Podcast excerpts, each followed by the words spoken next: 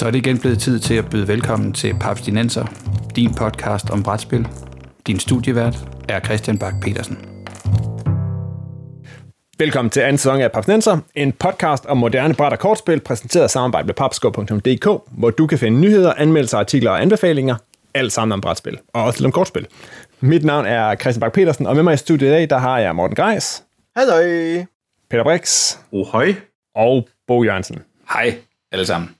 Fordi i dag der skal vi snakke om Living Card Games. Et emne, vi har vendt tidligere, da vi snakkede øh, Fantasy Flight Games, og, og som jo er dem, der ligesom... Øh, det er dem, der ejer konceptet øh, Living Card Games. Men så, øh, så fik vi en mail fra en lytter, fra øh, Claus Goldbæk Nielsen, som tænkte, hmm, han synes godt, vi kunne snakke lidt mere og gå i dybden omkring Living Card Games. Og så var, tror jeg, det første, jeg sagde, det var, jamen, jeg har faktisk ikke rigtig spillet nogen Living Card Games. Og så var der også lidt tvivl om, de andre havde ikke. Men så gik Bo i, i papkælderen, og så viste det sig faktisk, at der var faktisk... Vi, vi kunne godt snakke... Bankede jeg lige på glasruden og sagde, præcis. det kan være, jeg kan hjælpe. Ja, præcis.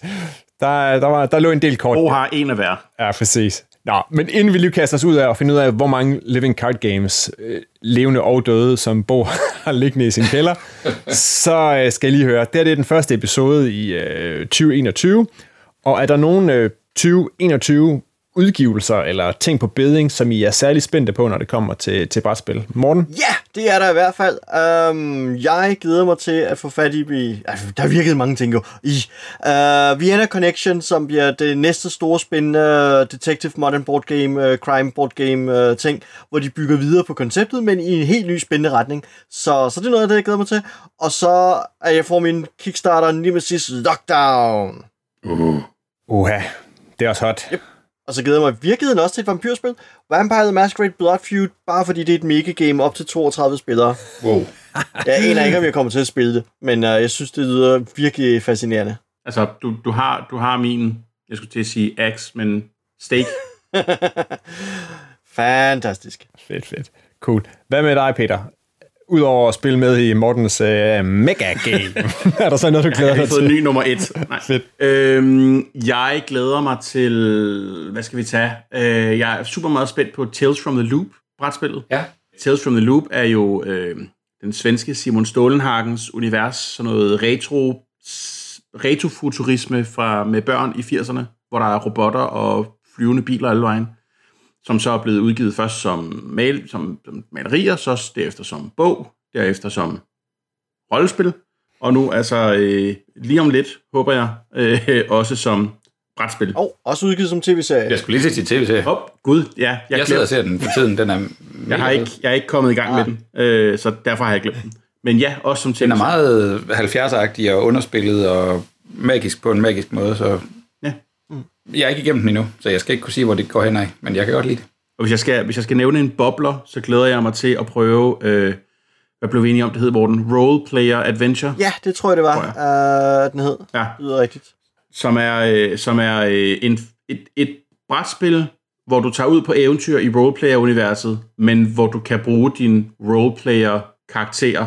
Så først spiller du lige spil roleplayer for at bygge en karakter, og så bruger du den i spillet. Det var jo lidt det, det, var lidt, co-op-kampagnespil. lidt det, som Morten og jeg jo efterlyste, dengang vi snakkede roleplayer. Yes. Så det synes jeg, lyder- det lyder som et fornuftigt, et fornuftigt tiltag. Mm. Fedt. Nogle andre, der har bud? Hvad siger du, Bo, når du glæder dig til? Nej, jeg tror 2021 bliver nederen. Nej, du har, du har, brætspil, du har, du har brætspil nok. 2020 The Sequel. Ja, puha. Mere nederen. Ja, ja. Ej, det ser godt ud. Jeg, jeg, jeg synes, jeg har en del Kickstarter, men jeg er faktisk lidt i tvivl om, om de rammer 21, eller om nogle af dem strækker sig ind i 22. Så øh, jeg tør ikke lige kaste en til på noget af det. Jeg kunne risikere at ligne en øh, komplet ignorant. Fordi du, fordi, du fik, fordi du fik en Kickstarter lidt for sent. Er ikke... Nej, jeg sad lige og på, hvad hedder det, Seven Citadel. Den glæder mig faktisk til at se, hvad det er for en størrelse, men den, de, de skriver på deres website, at det er en estimeret øh, delivery i maj 2022. Ja, Så kan man sige, Truthang Legends, øh, øh, når den er kommet i 21, den har også været sådan bogskudt og, og udsat for lidt forsinkelser. Øh, det håber jeg på, men om det er måske sådan, at det spil, jeg går og glæder mig til i 21, det ved jeg faktisk heller ikke helt. Ah, okay. Det synes jeg er det gode ved nogle af de her kickstartede projekter, man glemmer dem alle talt lidt, og ved, når gud var det nu. Øh, ja, Okay. Amen, jeg kan måske, jeg måtte også lige, nu du sagde det, så måtte jeg jo skynde mig ind og så se, hvad, hvad Estimate Delivery var på, på et af de spil, som jeg ikke har backet, men jeg håber simpelthen, at der er nogen, der har backet det derude, fordi øh, jeg, gad godt, øh, jeg gad godt prøve det, selvom jeg ikke er den store koop-mand. Jeg gad virkelig godt prøve at spille Darkest Dungeon. Ja. Som øh, var på, på Kickstarter i, øh, hvad hedder det, i oktober-november, og fik samlet øh, en øh, rimelig mange penge sammen. Og Darkest Dungeon er jo baseret på et computerspil, som er det eneste computerspil, ej, passer ikke, et af de to computerspil, jeg har backet på, på Kickstarter tidligere, Okay. som er sådan et, øh, sådan et gotisk, gritty øh, fantasy, hvad hedder det, et gotisk, gritty øh, dungeon crawl, hvor man sender sådan nogle rigtig sleazy, beskidte, øh, nussede helte ned i mørket, og så udover at de så kan få, øh, få tæv og pryl og sår og skrammer og øh, miste livet, så kommer de også tilbage med alle mulige former for traumer og psykiske, psykiske De går ret meget ned med fladet, ja. de går fuldstændig ned med fladet, og så når man kommer til hjem, så skal man så sådan, udover at ligesom få dem lappet sammen i, af den lokale cleric, så skal man så også øh, sørge for at, at, at få, få plejet dem mentalt, og sørge for, at øh, de får drukket nogle øl, og får, øh, får snakket med måske en anden cleric, og for ligesom at, at få dem tilbage på, på banen. Det har en Det burde helt faktisk have været sat i Warhammer Fantasy. det, er, det har meget en Warhammer-vibe, og sådan en, Det, en det, smager, det smager rigtig meget Cthulhu og Warhammer på en gang, ikke? Ja. Jo, men det har en... Computerspillet havde en... Eller har, man kan købe det på Steam, og det er ikke engang særlig dyrt, og kan bestemt anbefales. Det har sådan en rigtig, rigtig fed og unik tegnestil. Mm. Og det er sådan lidt... Øh, det er sådan lidt old school og sådan lidt øh, scroll fra siden og todimensionelt og sådan noget, men det er virkelig lækkert. Og det har været på Kickstarter, og der var afsindig mængder plast med. Så det var altså sådan, vi, det er sådan noget Cthulhu Wars-agtigt noget, når det kom til, til plast. Så det er ikke noget, jeg selv har smidt penge efter, fordi puh. jeg, jeg, prøver, jeg prøver, Problemet med den var, at der var sådan en 35-siders regelbog, der nærmest oversat computerspillet en til en ned i brætspillet, og jeg tænkte, det er ikke det, jeg vil have. Nej, jeg, jeg gik også udenom den, men jeg er nysgerrig. Øh, og, og jeg vil godt lige have noteret, at jeg, der var et øh, Kickstarter-spil med en masse plastikfigurer, som jeg ikke baggede. det her med noteret. Er du okay, Bo? Jeg er ikke okay. jeg er overhovedet ikke okay. Okay. Nå, men jeg håber, at der er nogen derude, der øh, har købt et Darkest Dungeon The Board Game, som ser ud til, påstår, at det kan lande i november 2021, og jeg kan godt den dag. Jeg kan godt den dag. Right. Så sig til, Paps Ninja lytter. Inv- inviter mig Jeg forbi, skal når I, en cleric, der kan kurere FOMO. ja, når I får alt jeres plast. Derudover så øh, er der jo rygter om, at der skulle komme et, øh, en Kickstarter i 2020. Ja, den skulle faktisk komme i 2020. Den må så være udsat til 2021, for jeg har ikke set den. På et, øh, en kombination, som... Altså, det, det, den, den, er, den er nærmest skrevet til mig, ikke? Det er et Martin Wallace-spil, som er sat i øh, Fighting Fantasy Svær Trolddom-universet. Wow. Jeg kunne ikke ønske mig meget mere af et spil. Så hvis, hvis det kommer, Med hatte. så lover jeg, at jeg skal, jeg skal være med på absolut højeste backer level. Det kommer jeg ikke til at gå glip af. Så det håber jeg, at, det, øh, at den faktisk kommer på et eller andet tidspunkt, og øh, så er jeg på. Så det, det er mit øh, 2020 løfte. Okay, den ser jeg sgu da også frem til. Det lyder da spændende. Um, Det er vildt. op. Den samler vi op på, når vi kommer dertil. Præcis. Yes, men ellers så skulle vi jo i dag snakke Living Card Games. Og skal vi lige kridte op, hvad er et Living Card Game? Kan, Peter, kan du hurtigt kridte op, hvad det er? Ja, det kan jeg godt. Så et living card game er... Øh, vi tager det lige skridtet tilbage. Så vi kender alle sammen collectible card games. Det er sådan noget som Magic, eller Pokémon, eller hvad de ellers alle sammen hedder, hvor at du skal købe en masse booster med nogle øh, mere eller mindre tilfældige kort i, for at lave de decks, de kortbunker, du ligesom spiller dit spil med. Der har øh, nogen fra Fantasy Flight Games har tænkt, uha, der er godt nok meget tilfældighed i det. Lad os øh, prøve at gøre noget ved det. Og så har så opfundet Living Card Games. Så et Living Card Game er et spil, hvor der kontinuerligt kommer nye kort ind i spillet. Men når du køber en æske, så ved du altid, hvad der er i den her booster, øh, kan man sige. Øh, det er ikke en rigtig booster, fordi du ved altid, hvad der er i den, i modsætning til spil som de her collectible-spil.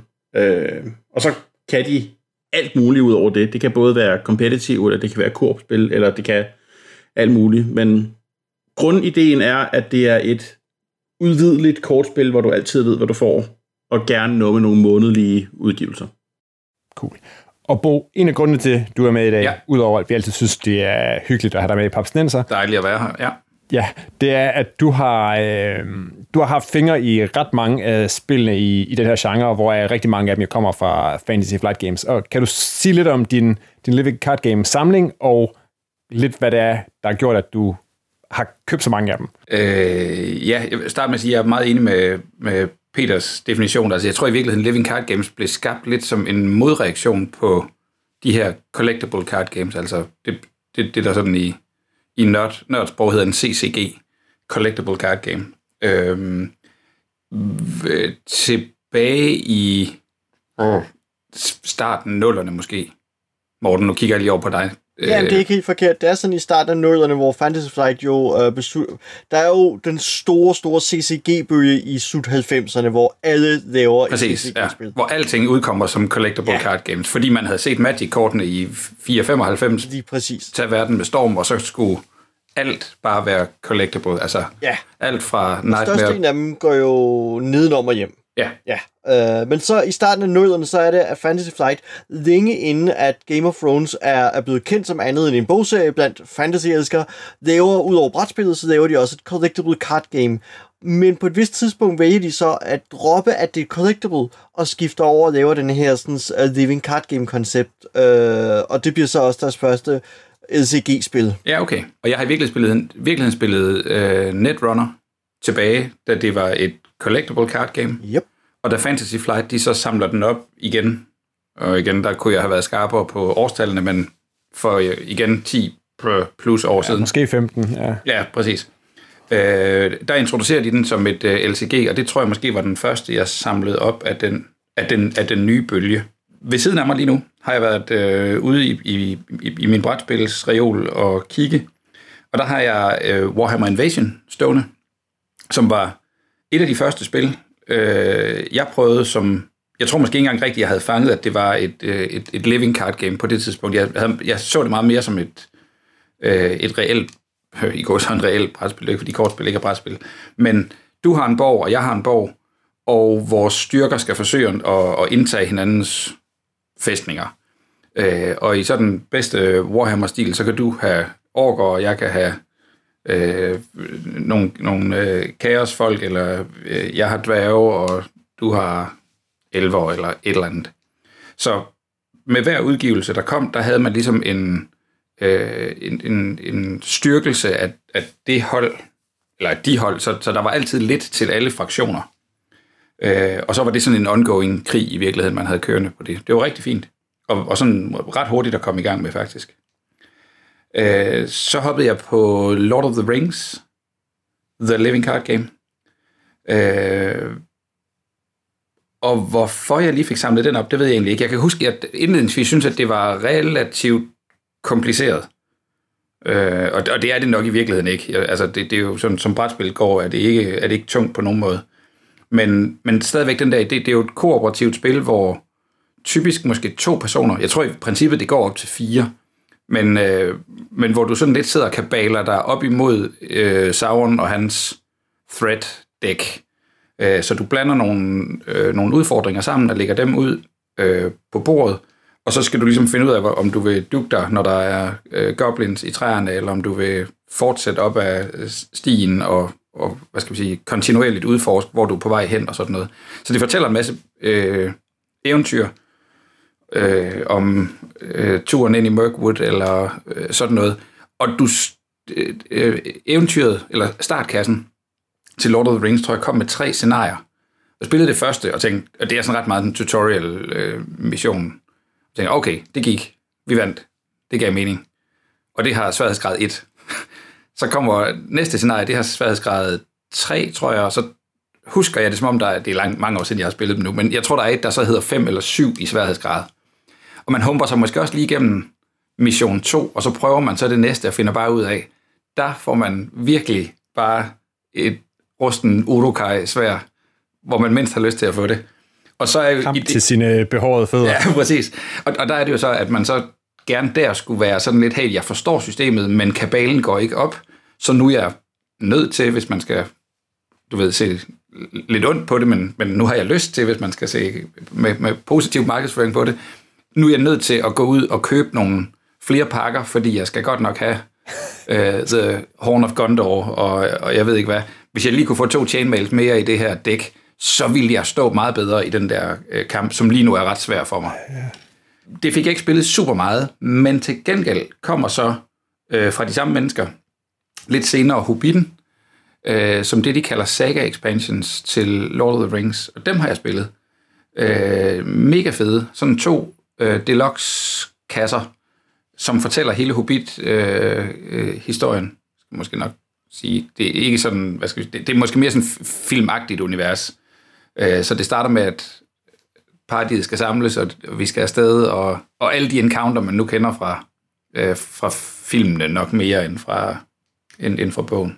Men, men på det samme regelsæt som Lord of the Rings. Så i princippet kan du gennemføre Hobbiten-historien med et øh, karaktergalleri, som ikke er dværge og en enkelt hobbit og en mand med en spids hat.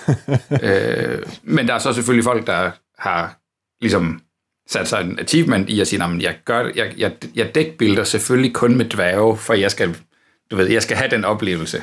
Ja, det kan også være, det kan være, det kan være, de måske endda har tilladt sig at tage nogen, hvor de havde nogle våben med til at starte med. Hvis man skal spille væk fra bål, altså, det kunne da være så snedigt. Det, det, kunne, man, det kunne man forestille sig. Tag med. Men, men det er meget... Øh, spillene har, øh, har netop det til fælles, at man, man køber sådan en, øh, en lidt hård øh, plastikpakke med 60 kort i, og der er sådan øh, typisk noget, noget ny modstand, altså et, et kapitel, en, om det så er, at nu har goblinsene fået, øh, øh, hvad hedder det, spider-evne, eller nu har de fået evnen til at skyde ekstra langt med en bue, eller hvad ved jeg, der kan være akkord i en eller anden øh, sæt. Noget, der bringer historien videre. Og så er der udover det, hvad skal vi sige, typisk en karakter, det var der i hvert fald i Ringnes Herre, og noget udstyr. Og det der udstyr, det kunne alle og enhver, der så ligesom var, der, der havde evnerne til at, at bruge et tohåndsvåben, eller en tung rustning, eller noget et eller andet, de kunne så blandes ned i deres dæks. Og det er sådan ret meget den formel, de har kørt på af forskellige slags øh, kort eller hære har nogle ikoner, og så er det kun, du ved, folk med visse ikoner, der kan visse ting, og så, så bliver det allerede der sådan lidt, ja, deck construction, at man sådan skal sidde og, og, og, og have et lille spil, eller en lille kabale ud af at, øh, at sige det spillet, inden man, inden man rent faktisk går i gang med at spille ja. det. Men der må jo også være kommet afsindig meget, ikke? fordi Lord of the Rings, ikke, The Card Game, det er fra kommet ud først i 2011, så vidt jeg kan se, og det kører jo stadigvæk. Der må jo være afsindige mængder gear. Det, ja, jeg ved, Morten. Og hjelme og svær. Ved du, er, er det en kort pakke om måneden? Der er virkelig, virkelig meget. De er jo virkelig også noget dertil, at de jo lige nu sætter spillet på pause, øh, og det er deres første LCG-spil, hvor de erklærede, at de sætter det på pause. Halvt om halvt, fordi de, øh, de har fået brugt store dele af det materiale for Ringnes Herre, som de har adgang til at må bruge. Så, så de er sådan noget lidt et sted hen, hvor de står sådan lidt, nå, hvad skal vi egentlig lave? øh, mere af. Altså, hvem har vi tilbage? Hvilke karakterer har vi tilbage i bøgerne, der ikke optræder som kort? Øh, hvilke steder har vi ikke været henne? mere og mere sekundære. Den der Tom, Tom Bombadil-udvidelsen og træer og blade-udvidelsen. Lige præcis. Og der, der skal man jo nok også kigge på, at det LCG-spillene øh, er jo ligesom bygget op i to grupper øh, løst set. Dem, der har storylines, og dem, der har temaer. Ja. Det vil sige, at Arkham Horror, The Card Game og Lord of the Rings øh, der spiller man jo basalt set en storyline, øh, hvor man spiller, ja. altså man køber kapitler i en historie, man spiller, mens hvis det er for eksempel uh, Legend of Five Rings, eller Warhammer Conquest, uh, altså Warhammer 40 Conquest, Warhammer Invasion, så er det mere tema, hvor man køber nogle øh, kort, i en cyklus med et bestemt tema, med et særligt fokus på en eller anden mekanik eller noget en bestemt robotter eller et eller andet, at man gerne vil fokusere på, og så bygger man sin dæk op over det. Og Bo har jo øh, ikke nævnt alle sine LCG-spil nu jo. Um, nej, nej, nej, nej. Jeg, altså, mit, min, øh, mit øh, varmeste mine varmeste LCG-øjeblikke, de kommer jo i øh, Star Wars øh, LCG'et, som Fantasy Flight udgiver. Det er, det er desværre blevet lukket eller stoppet øh, nu. Men det havde jeg en fantastisk skæg med i en fire år eller sådan noget, tror jeg. Øh, og netop som Morten siger, øh, startsættet kommer ud, og der er det, der skal være for, at man kan prøve det, og man kan komme i gang.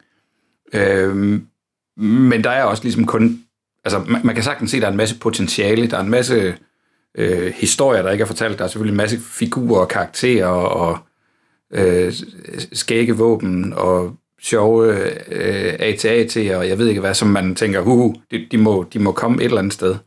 Så den første, øh, og det tror jeg i virkeligheden er fælles for alle de her LCG'er, ikke at det egentlig behøver at være det, men sådan har Fantasy Flight valgt at gøre det, det er, at de udgiver cycles. Øh, og en cycle består typisk af en, en, en, en, hvad skal vi sige, en startkasse, der sætter den cycle i gang, som er en lidt større udvidelse, sådan en 250 kroners, 300 kroners agtig sag, og så kommer der seks cycles, eller seks udgivelser i den cycle, som så alle sammen tematisk er, er sat sammen i virkeligheden. Så til Star Wars, der var den første øh, cycle, der kom til deres LCG, det var Hoth, og det vil sige, nu kom der jo så øh, seks udgivelser, der alt sammen sværmede omkring øh, frost og, og, og piloter og, og kulde og øh, ja, Tontons. AT, ST og AT-AT og, og General Veers og jeg ved ikke hvad, ikke? Faktisk, øh, Marvel Champions kører ikke den, Nej, som tror jeg er det Ja, eneste. den, den det er bryder nyeste, ikke? modellen. og det er det nyeste, de er udkommet med, ikke? Ja. Det er den nyeste jo, øh, hvor man spiller Marvel superhelte, der skal slås mod et eller andet co-op. Ja, hvor man kooperativt skal kæmpe mod en eller anden super skurk. Ja, og der følger vel så et par skurke med i grundæsken, ja. og så kan du ellers købe udvidelser med skurke i, og udvidelser med helte Ja, fordi der er t- ligesom to, eller nu tre typer øh, udvidelser til Marvel Champions. Du køber decks med nye helte, hvor du simpelthen et dæk af en ny helt. Mm. Så har du øh, scenariepakkerne, hvor du så går op imod en given Marvel-skurk og et, øh, eventuelt nogle af deres allierede, øh, og nogle vari- scenarievarianter, sådan forskellige måder at gå op imod den skurk på. Og så den seneste er, at de har lavet den her Deluxe Expansion, som er en ekstra stor expansion med sådan en form for campaign mode. Um, Ja. Og det er her et eller andet sted, de rigtig begynder at folde Marvel uh, Champions-universet ud. Så det starter egentlig op ret simpelt som et, et koop, øh, en interessant koop-spil, men jeg tror virkelig, det er først nu her, hvor vi har fået øh, den seneste udvidelse, Rise of the Red Skull. øh, Re- ja, Rise of Red Skull, hvor jeg tror i virkeligheden, at spillet får sit egentlige potentiale. Ja, det er sjovt ikke, fordi jeg har nemlig spillet Marvel Champions, og jeg har faktisk ikke tænkt på det som et LCG før. Jeg har egentlig bare tænkt, at jamen, det er jo et spil i en kasse på den her... Den her jeg, Ja. ja. jeg har slet ikke set, at det var det, var, det, var det, det skulle blive til. Men, men jeg kan sagtens, når jeg ser tilbage, så kan jeg sige, ja, det giver da fin mening at netop at, at tilføje her og tilføje der, og pludselig folde ud. Og, og altså, der er jo også der er et bagkatalog at gribe fat i også. Det må man sige. Ja, det, det må man sige. Der er ma- mange helte, du kan tage fat i, før det begynder at blive sådan for alvor. De har siddet og kigget på Lord of the Rings og tænkt, er der et univers, hvor vi har flere personligheder? Svaret er ja. det fandt de. Det Ja, fordi det er jo ellers meget sjovt med deres forskellige ting, ikke? Uh, de har jo startet flere af dem op, og så uh, afsluttet dem igen. Det første, de sådan stoppede med, det var jo deres Call of Cthulhu uh, LCG-spil, Mm. Ja, den havde jeg faktisk som også, Bo ja. nemlig også har, og som ikke var særlig godt, i hvert fald ikke i grundspillets form. Det, det Nej. var middelmådigt, for at sige det pænt. Der skulle man vist godt ind i udvidelserne, før der var noget ved det. Og den droppede de jo igen, og efter nogle tid, så kan man jo argumentere for, at de erstattede med Arkham Horror, uh, The Card Game, fordi det er det eneste Call, uh, Cthulhu-spil fra, fra Fantasy Flight, som jo ikke var kooperativt. I Call of Cthulhu spillede man jo aktivt imod hinanden. Ja, ja. Og så var det jo, de lavede Warhammer Invasion, og da de var ligesom løbet gennem materialet, så gik de i gang med at lave Warhammer 40k Conquest. Så mistede de licensen og droppede den. Uh, så mistede de licensen til Android Netrunner, som jo ellers var deres kæmpe succes. ja. Og så er der Game of Så Thrones, kom som Game of Thrones, ja. ja, som, hvor de havde udgivet så meget materiale, så ingen nye spillere kunne starte på spillet og være med i turneringer, fordi man var, ja, man var 10.000 kroner bagud i udvidelse, eller meget det endte med. Jeg skulle lige til at sige det, ja. Øh, Så ikke så, for, ikke så forskelligt fra de uh, collectible card games der. nej, og det er jo egentlig lidt sjovt, ikke? Fordi når det startede som en protest og sagt, jamen folk skal jo ikke købe sig fattige for at få, altså bare blive ved med at købe, indtil de finder en sort Lotus til et Magic-dæk. Det er pay to win, og det, det kan ikke, det må, sådan må det ikke være. Mm. Så kan man sige, når, en, øh, altså, når vi, da vi spillede Star Wars, øh, jamen to og et halvt år inden i det, der holdt der op med at komme nye spillere. Netop som Morten siger, nu var du, du var 14-1700 kroner øh, nede, bare for, at, fordi som, som, hvad skal vi sige, som, som spiller har du ikke lyst til at sidde og sige, Nå, hm, jeg kan bare ikke, du ved, jeg har bare ikke X-Wings nok. Så, så, bliver det, så bliver det uden lysvær. Så du siger, nej, nej, men du, altså, der er jo X-Wings i den kasse derovre, ikke? Internettet er jo trods alt godt til at, at, at søge frem og sige, okay, right, hvis jeg skal bruge den her Wookie og, og den her, øh, den her fan ved jeg, flammekaster, så skal jeg ud og have fat i de her decks. Øh, og det betyder jo et langt stykke hen ad vejen, at du, fordi de, de løber jo også out of stock, øh, så det vil sige, du abonnerede jo reelt på dem, fordi du var nødt til at gå ud og købe dem, når de kom, for du havde ikke lyst til at stå øh, seks måneder senere og sige, hov, wow, er der nogen, der har øh, er der nogen, der har flere Darth Vader liggende? jeg mangler lige to eller et eller andet. Øh, så, så det er jo, det er jo i, i virkeligheden en lænke om foden på sig selv. Hvis, hvis metaen, hvis, hvis spillet i dit lokale område er stort nok, som vi jo nogle gange kan se, at, altså, at Magic-kortene har det rigtig godt. Der er masser af mennesker i de forskellige danske byer, der spiller dem. Men jeg tror, hvis din spilgruppe er stor nok, så er det fint. Så, så er det nok okay. Så er der mange, på mange niveauer, du kan spille. Men altså, jeg synes, København er jo en relativt, relativt stor by, den største, vi har i Danmark. Men vi var jo måske på en god dag 30 mennesker eller sådan noget, der spillede Star Wars. Star Wars, sådan, og tog ud og mødtes og, og, og gjorde det. Ja. Men det er ikke nok. Mm. Nej. Altså, det, det er jo, det, det, man er simpelthen ikke vild nok med det til at lige starte med at splash 1.500 kroner, bare lige for at se, hvad det er for noget. Se, om det var noget. Og så så vi jo også, øh, at de forsøgte jo at gøre noget ved det i forbindelse med Game of Thrones The Card Game, hvor de jo så øh, droppede First Edition, eller som det der så nu hedder First Edition, og så relancerede det som Second Edition, øh, mens tv-serien jo øh, var dukket op, og, og ja. ja, så det var sådan, jeg tror, de til dels ville sådan prøve at ride med på tv-seriens succes, og derved også starte spillet op på ny, for ligesom at få en ny kundegruppe ind. Problemet var bare, at der kom ikke rigtig nye spillere til, og alle de gamle øh, mere eller mindre tabte pusten, fordi nu havde de jo lagt så mange penge i 7-8 cycles. De skulle bare ud og købe det en gang til. Ja. For at få at vide, at nu var det ligegyldigt og kunne ikke bruge sit turneringsøje med, og de skulle starte forfra sammen med alle andre. Og så var det, at i hvert fald øh, ved jeg så øh, miljøet i København øh, og omegn døde ret hårdt på det. Ja. Vi skal snakke om Arkham Horror, The Card Game. Yep. Fordi det er godt. Hvad skal vi snakke om? Fordi det er godt. har, du, har du spillet det, Peter? Jamen, det er ganske enkelt pissegodt, hvis man må sige pissegodt i sin egen podcast. Ja, det var man godt. Det bestemmer vi selv. øh, jeg kan enormt varmt anbefale det. Øh, så langt som, at jeg øh, sidste år fremhævede det som min bedste spiloplevelse for 2019. Man spiller en detektiv, altså klassisk Cthulhu, øh, øh, øh, hvad hedder 37 det? Ja, forbundstiden, ja. Og, og ja, du har et, øh, en, en historie, der spænder over otte, du kan sige spilaftener, øh, otte kapitler, otte scenarier, man skal igennem, og hver af dem øh, har et, øh, et agenda-dæk, som spillet ligesom prøver at komme igennem. Hvis det sker, så er der noget dårligt. I, altså, så, så er der bad stuff. Øh, og spillet har nogle mekanismer, nogle timer og nogle, nogle ting, der gør, at det øh, kommer tættere og tættere på, du ved, midnat. Der, det, øh, det brænder mere og mere på universitetet, og du skal nå at, at, at have reddet så mange ud som muligt, inden, det, inden du løber tør for tid, eller hvad det nu kan være. Ja. Øh, så du har noget, du skal nå, inden spillet når det, det gerne forsøger at nå, som er din modsætning i virkeligheden. Så øh, du blaffer rundt på The Miskatonic University med en lommelygte om natten, og skal prøve at få dine kort til at lykkes, som regel i samarbejde med en anden. Igen kan det spilles op til fire, øh, men spillet skalerer. Jeg tror i virkeligheden lidt ligesom sådan noget Eldritch øh, Horror og, og nogle af de andre, hvor I ved, der er bare sådan en lille ikon, der hedder, det her monster giver to i skade per investigator. Og det skalerer jo nok fint nok til to, mm, Måske også til tre. Jeg har faktisk aldrig prøvet det.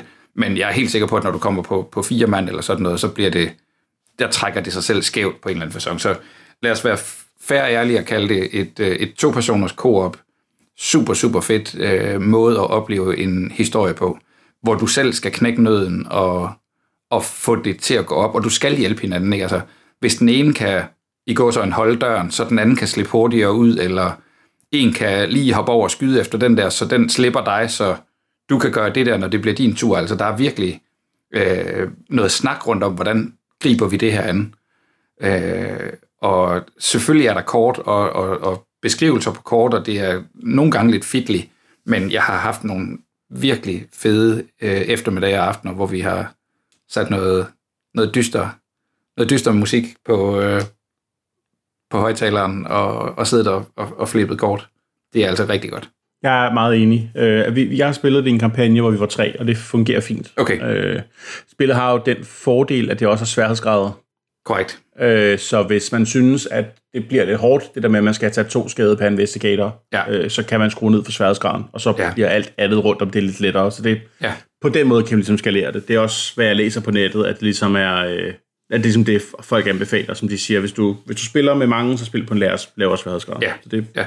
Øh, Spillet fungerer ret meget sådan, at der er, når, når, der, skal, når der skal klares nogle udfordringer, så trækker man nogle, øh, nogle tokens op af en pose. Så det kan i virkeligheden lidt sammenlignes med, at du havde rullet med en terning. Men i stedet for at lave det som en terning, hvilket jeg må tro, at de har siddet og gjort, da de designede spillet. Men i stedet for at holde fast i den idé, så har de lavet det til en pose.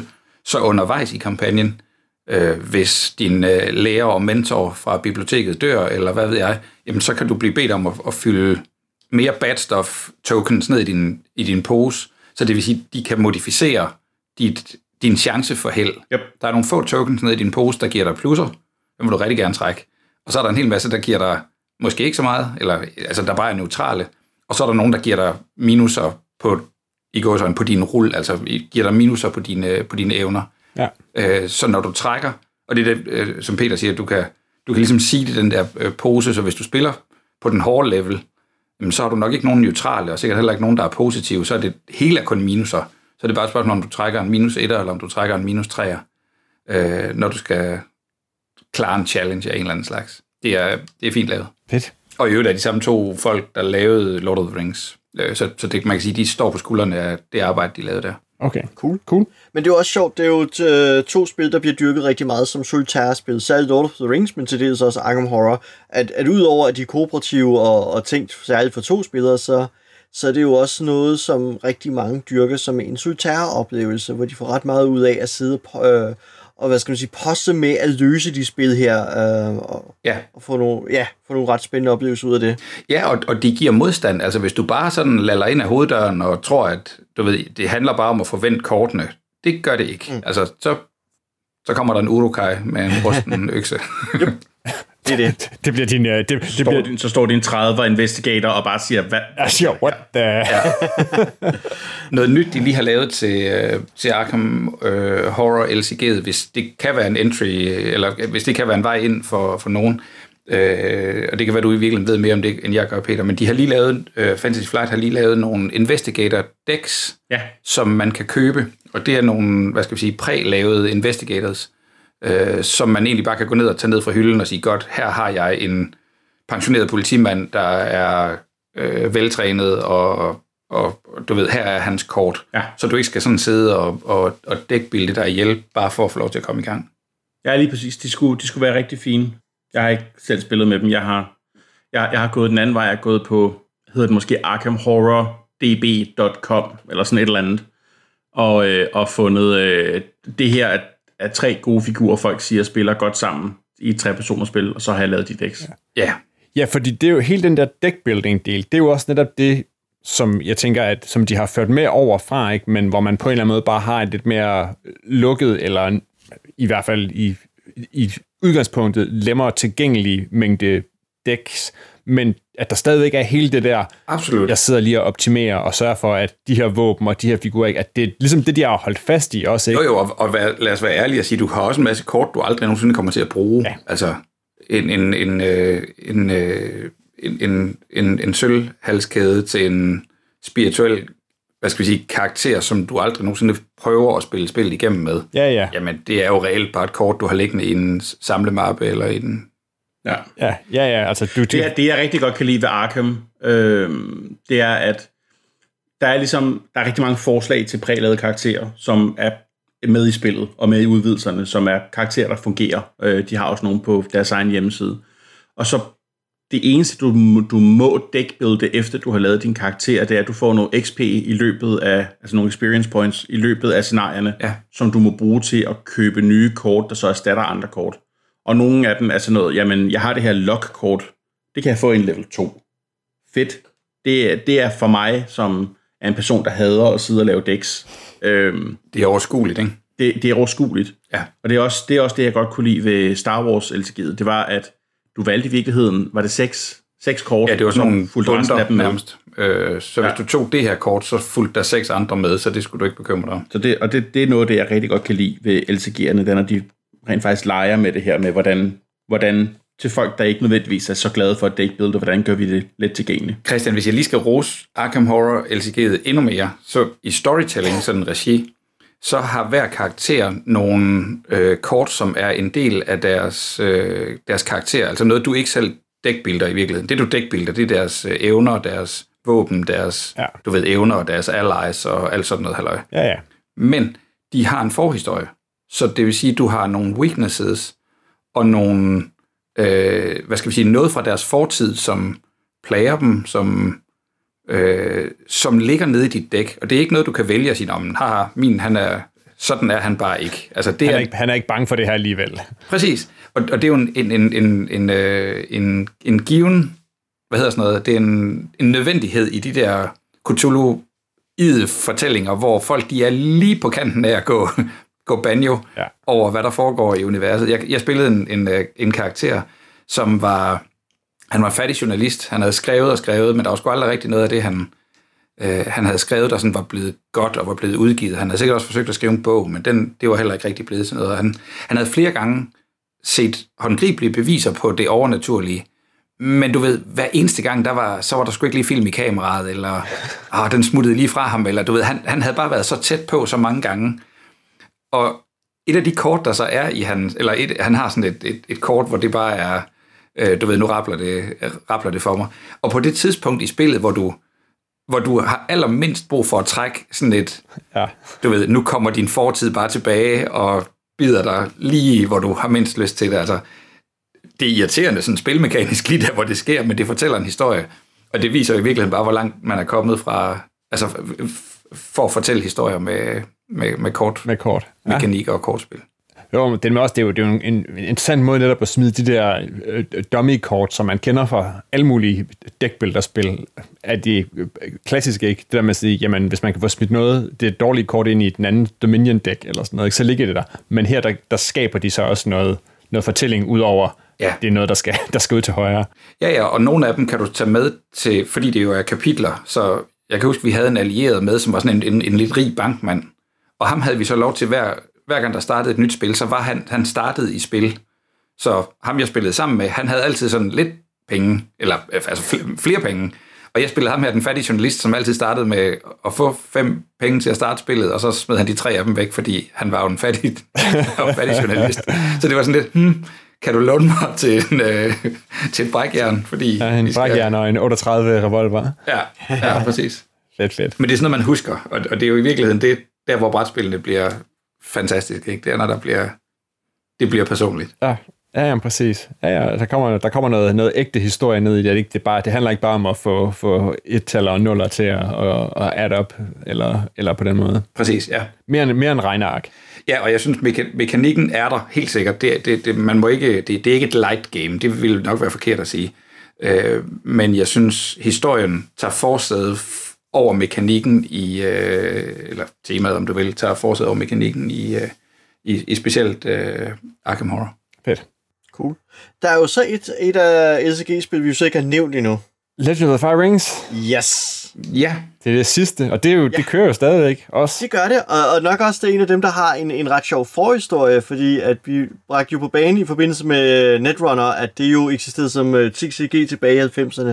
Og det gjorde Legend of Five Rings jo også, men var re- rigtig succesfuld og fik jo et rollespil baseret på sig osv. Og, og det havde jo en helt særlig form for udvikling af fiktionen og også udvidelserne, fordi ved turneringer i Legend of Fire Rings, de dæk, der vandt, kom til at forme øh, de kommende cycle, eller de kommende udgivelsesserier af kort. Så på den måde, så spillede man, øh, altså, så de ting, der skete i turneringerne, kom til at spejle ind i refleksionen og forme kommende udgivelser. Du mener, det var et levende kortspil? Uh, ja, det var levende på sin helt, helt egen særlige måde. Um, ja. og, og det eksisterede så holdt i live af fans jo op gennem øh, nullerne, og det har jo fået en, teknisk set har fået en spillefilm baseret på sig, nemlig The Gamers, uh, Hands of Fate, den tredje The Gamers film, um, som virkelig handler om Legend of Fire Rings og det miljø og det spilmiljø, der er omkring det. er en ret fin film, faktisk. Ja. Um, og så fik Fantasy Flight jo licensen til det, og relancerede det som et LCG-spil, hvor de jo så forsøgte at gøre det her med at få øh, udgivelserne og udfaldet af turneringer til at forme kommende udgivelser. Øhm, og det har de jo i et vist omfang lykkedes dem, sådan at der er kommet nogle opgraderinger, nogle deluxe expansions, der ligesom opdaterer kort og varierer kort til at afspejle det, der er sket i turneringer og på den måde ind i fiktionen. Så, så der er jo sket noget interessant der. Øh, til gengæld så er det også blevet lidt fejlsagent øh, på visse af deres udgivelsesstrategier, fordi de skulle finde ud af, hvordan kunne man simulere de her sådan, øh, CCG-udgivelser med boosters osv., men i LCG-formatet.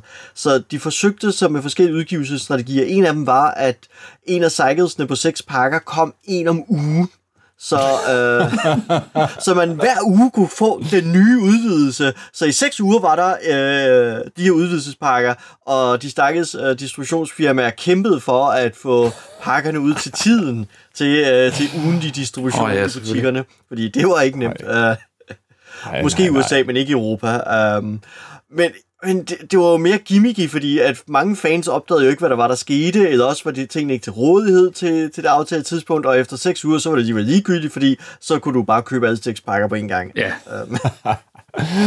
Åh, ja. ja, ja, men kæk, kæk ting. Ja. Vi, vi har snakket i, i ret lang tid, og, og, og altså, I, I, I får mig næsten hugt, altså. Jeg har jo, jeg har jo faktisk kommer nu, nu, når I sidder og kridter op, så kan jeg jo huske, at jeg har jo faktisk også haft et spil Netrunner, og jeg har faktisk også spillet LCG Netrunner, og jeg købte jo også på et tidspunkt faktisk en, en box med en, med en box med, hvad hedder det, øhm, med Game of Thrones, og så jeg havde købt den brugt et eller andet sted, og så stod den lidt for lang tid, og så da jeg endelig fik fundet den frem, så opdagede jeg, at, at de der kort, de måske faktisk var en blanding af to starterkasser, så jeg manglede halvdelen af de ting, som var i, men til gengæld havde jeg dobbelt nogle andre, og så droppede jeg det lidt igen. Så det står vist en bærs i et skab et eller andet sted. Men, men det der, det der, det der lokkende. Og så kan jeg sige, Peter, nu ved vi godt, at vi, at vi har jo snakket om, at, at LCG, Living Card Games, ikke? det er en Fantasy Flight ting. Og det er ligesom dem, der har taget patent på, på navnet.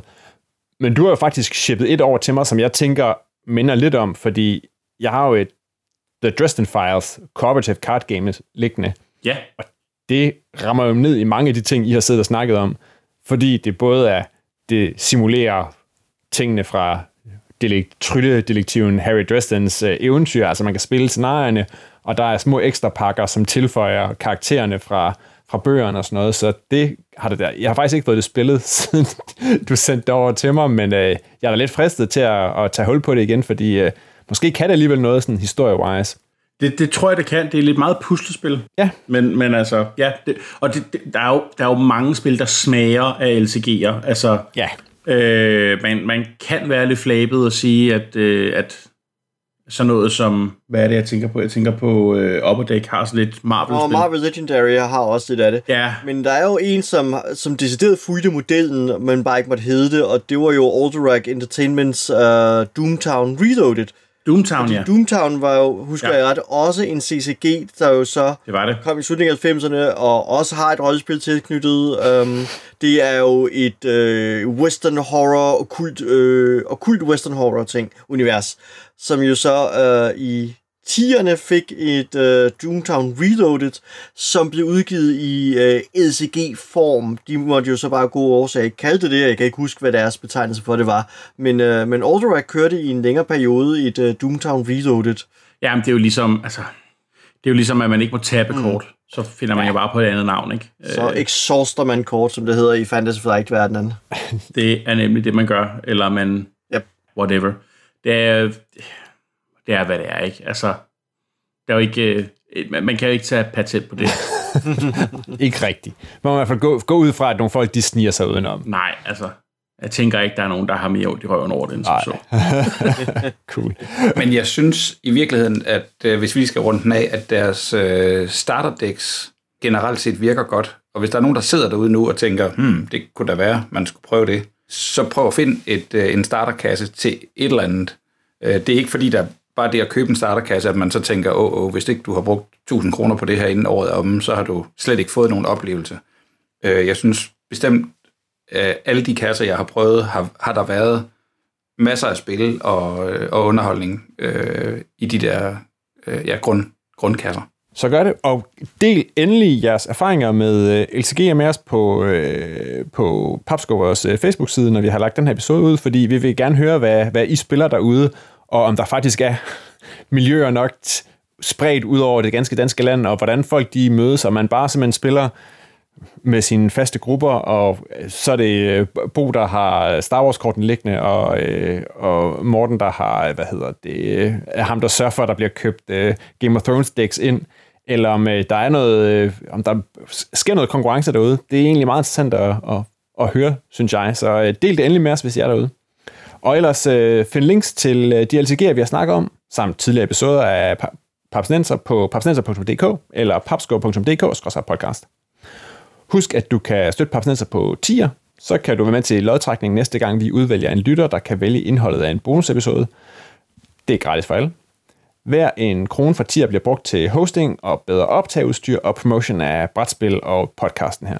Du kan finde Papsnenser på iTunes, Spotify, Podimo eller hvor du ellers henter din podcast. Og har du indspark til Papsnenser, er du altid velkommen til at gøre ligesom øh, Claus Nielsen og sende os en mail på papsnenser Det kan sagtens være, at vi kan bruge øh, det i en fremtidig episode. Med mig i studiet i dag var Morten Greis, Bo Jørgensen og Peter Brix. Papsnenser er produceret af Bo Jørgensen, Christian Beckmann og Mike Ditlevsen.